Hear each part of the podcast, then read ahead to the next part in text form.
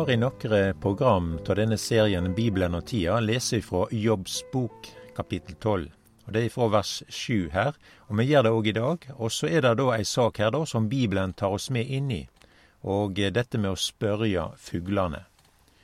Bare spør dyra, de skal lære deg. Spør fuglene under himmelen, de skal seie deg det. Eller tal til jorda, hun skal lære deg, og fiskane i havet skal fortelje deg det.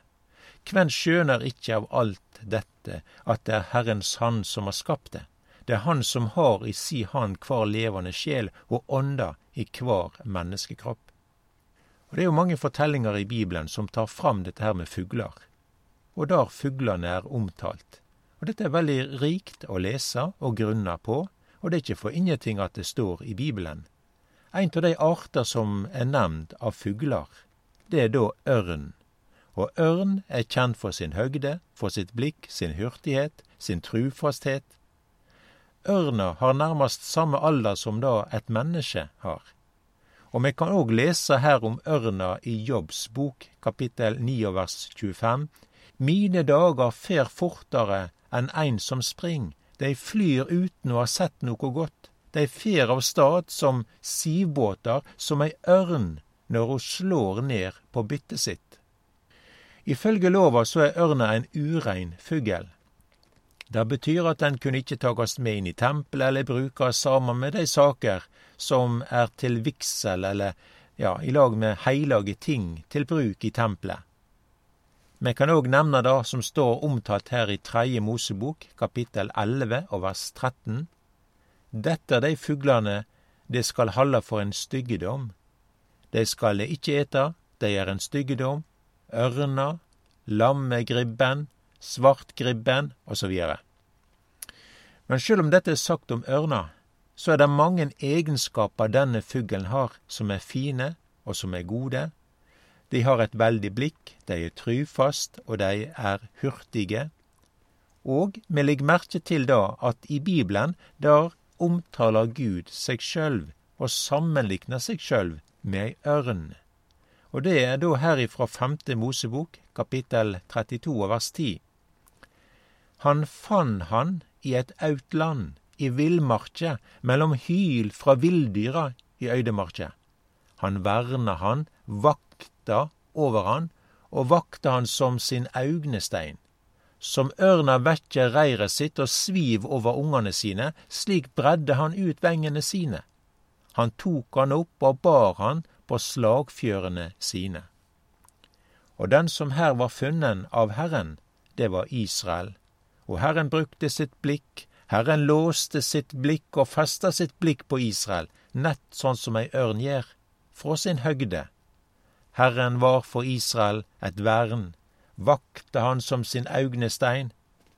Så når vi leser her at Herren på samme måte som ørna her, da, vekke reiret sitt og sviv over ungene sine. Slik la han sine venger over dei. Og dette er det da de samme egenskaper ørna har, som Gud da sier om seg sjøl. Og det er jo mange som eh, ikke tenker på den måten at ørna skulle ha noe å si om Gud, men det kan visst tydeligvis ei ørn gjøre. Og det har da her, som vi leser om, å spørja fuglane, og da spør vi da ørna. Hva er det den har å fortelle?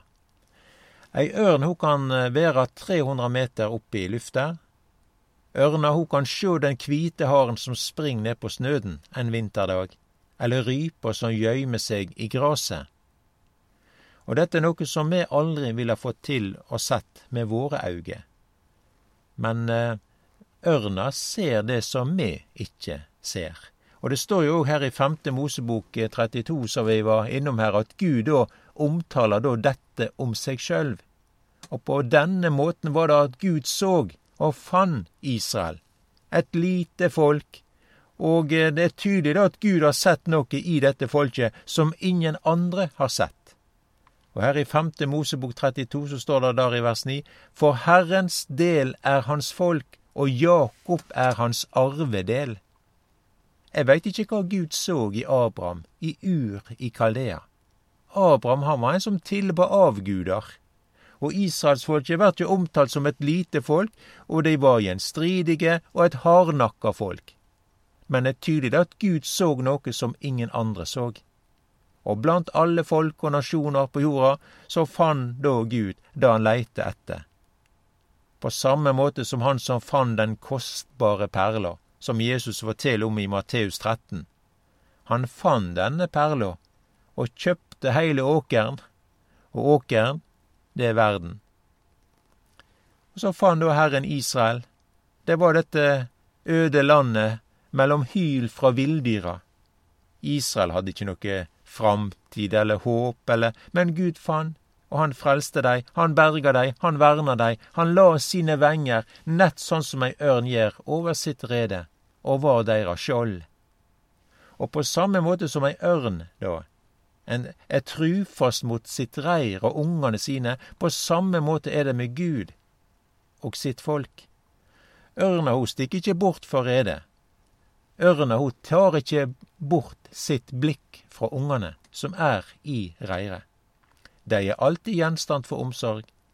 Ørna har augene sine alltid vendt mot ungene sine. Og det er det nett det samme som Gud sier han gjør om sitt folk, israelsfolket. Han omtaler folket sitt som sin egen augnestein. Vi ser aldri det på den måten at ei ørn ho har, ho legger inn barnevakt for ungane sine i reiret. Vi mennesker gjør det, men ikke ei ørn. Og sjøl om det skulle være noe i næreste familie, eller ørnefamilie, ja, så får det likevel ingen da være noe barnevakt. Og grunnen til det er at ei ørn, hun er trufast mot ungene sine. Ingen andre skal vokte dei. Og det er nett det samme Gud sier han sjølv gjør. Og vi kan òg lese her ifra Salme 91 av vers 4. Med sine vengefjører dekker han deg, og under hans venger finner du livd. Hans truskap er skjold og vern. Dette har med Guds frelse, og det var Gud som fant meg. Gud så noe ved meg som ingen andre så. Og vi kan jo undrast ennå, men Gud så, og han verna om meg. Under hans venger er det ikke bare vern og ly, men her er det også varme. Og Gud setter ikke noen andre til å være barnevakt. Grunnen er at Gud er trufast. Og det er mange plasser i Bibelen der det står at Gud er vårt skjold. Og sånn var Gud for Israel, og er det for Israel, og sånn er Gud for alle sine barn. Og i denne Salme 32, da sier jo også David på denne måten om Herren at du er min gjøymestad. Altså, Gud vokter oss som sin egen augnestein. Og vi kjenner jo til kroppen vår at den har mange ulike funksjoner og, og deler, og, men det er ingen plasser sånn som nett det som har med auga vårt å gjøre. Her er det jo en egen lukkefunksjon, og kjem det et lite rusk eller inn på auga eller et støvkorn, så merkes det veldig godt. Det skal ikke mykje til. Og dette samsvarer også med det Gud sier om sitt eget folk. Om eh, ting skjer i våre liv, så, så veit Gud om det. Det skal ikke så mykje til. Gud har omsorg. Han veit hva som skjer. Han ser omstendigheter. Og da leser vi òg her i profeten Sakarias boke, kapittel to der og vers tolv. For så sier Herren allers Gud, for si æres skyld har Han sendt meg til hedningefolka, som plyndrer dykk, for den som rører dykk, rører ved augnesteinen hans. Så Herren, han er alltid tett på. Israel er aldri overgjeven til seg sjøl. Gud var med i alle dager. Og når Israel var da på denne ørkenvandringen, så eh, var det da dager da de var trøtte. Men da var det dager da Herren bar folket sitt. Og da er jo David sier også, eller har lest her ifra Moses sin avskjedssang, da. Han tok han opp og bar han på slagfjørene sine. Jeg eh, har registrert at det har vært ulike meninger på den måten om ei ørn kan bære sine unger på sine fjører. Men de som har sett dette og forska på saker, de forteller at når ungene til ørna eh, er klare til å forlate reiret, så er det på denne måten at de lærer å fly. Altså, de må bruke sine venger, og det er da i denne sammenhengen vi har lest fra 5. Mosebok 32 og det har noe med da at ørna hun vekker reiret. Nå må de være klare. Ørna sviv over reiret, full oversikt. Og ørna, hun breier da ut sine venger. Og det er på denne måten ørna sier til ungene sine at nå er tida inne til å forlate reiret. Og eh, hun sjøl viser hva ungene skal gjøre. Ungene de må ikke se på hverandre, men de ser på ørnemora og ørnefaren.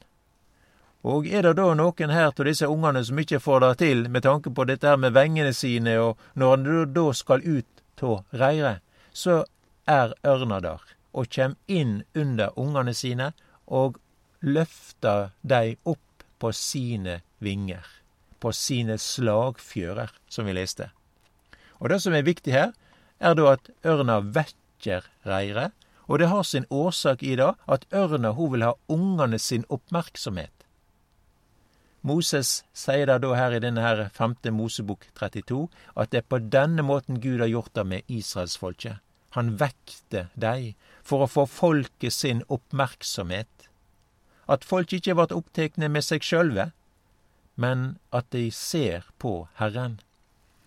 Gud vekker ikke, eller sier det på den måten uh, om at de skal sjå på seg sjølve, men Gud vekker dei, han bærer dei på sine skuldrer, som ei ørn da bærer ungene sine på sine slagfjører.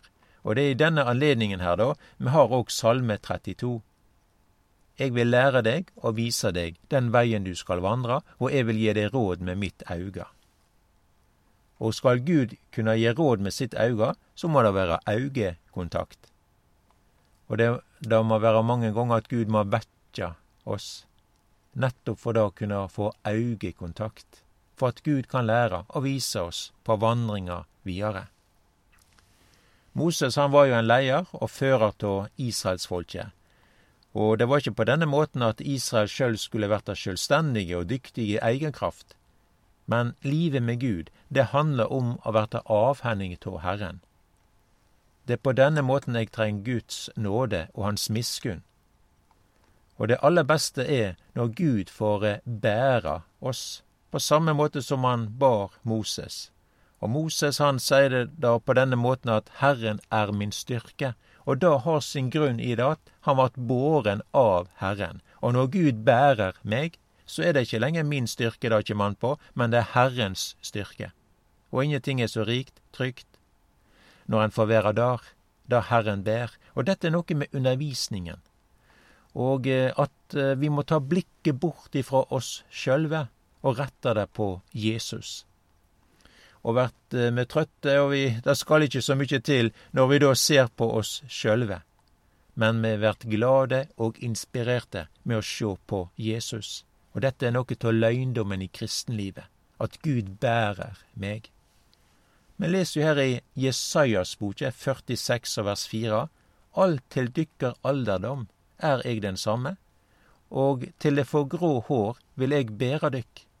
Eg har gjort det, og, fra, og vil framleis løfta dykk, og eg vil bære og berga dykk. Og det å komme til himmelen, det har å gjøre med at Gud bærer meg. Vi kjem ikkje til himmelen med eiga kraft og anstrengelse, nei, vi er avhengig av at Gud bærer meg. Og tar du da dette hebraiske ordet for ørn, så vil vi sjå og legge merke til at det er det samme ordet brukt om lynglimt. Og det er jo noe som er på himmelen, begge deler, og det er uttrykk for noe som skjer veldig raskt. Et lynglimt. Og det er det samme vi leser om i Matteus 24 med tanke på når Jesus kjem. For liksom lynet går ut ifra aust og skien like til vest, såleis skal det være når menneskesonen kjem. Og eh, vi kan òg ta med at eh, tida sine mange preg i dag er jo at det skjer ei endring så veldig raskt og fort. Det er eh, veldig utvikling sånn, da. Og dette har jo noe med at Herren han set sitt ord i verk, og skal i hast fullføre det på jorda. Og spør du ei ørn, så har den mykje å fortelje. Og la Herren få vekkja deg for sin gjenkomst. Jesus kjem snart igjen.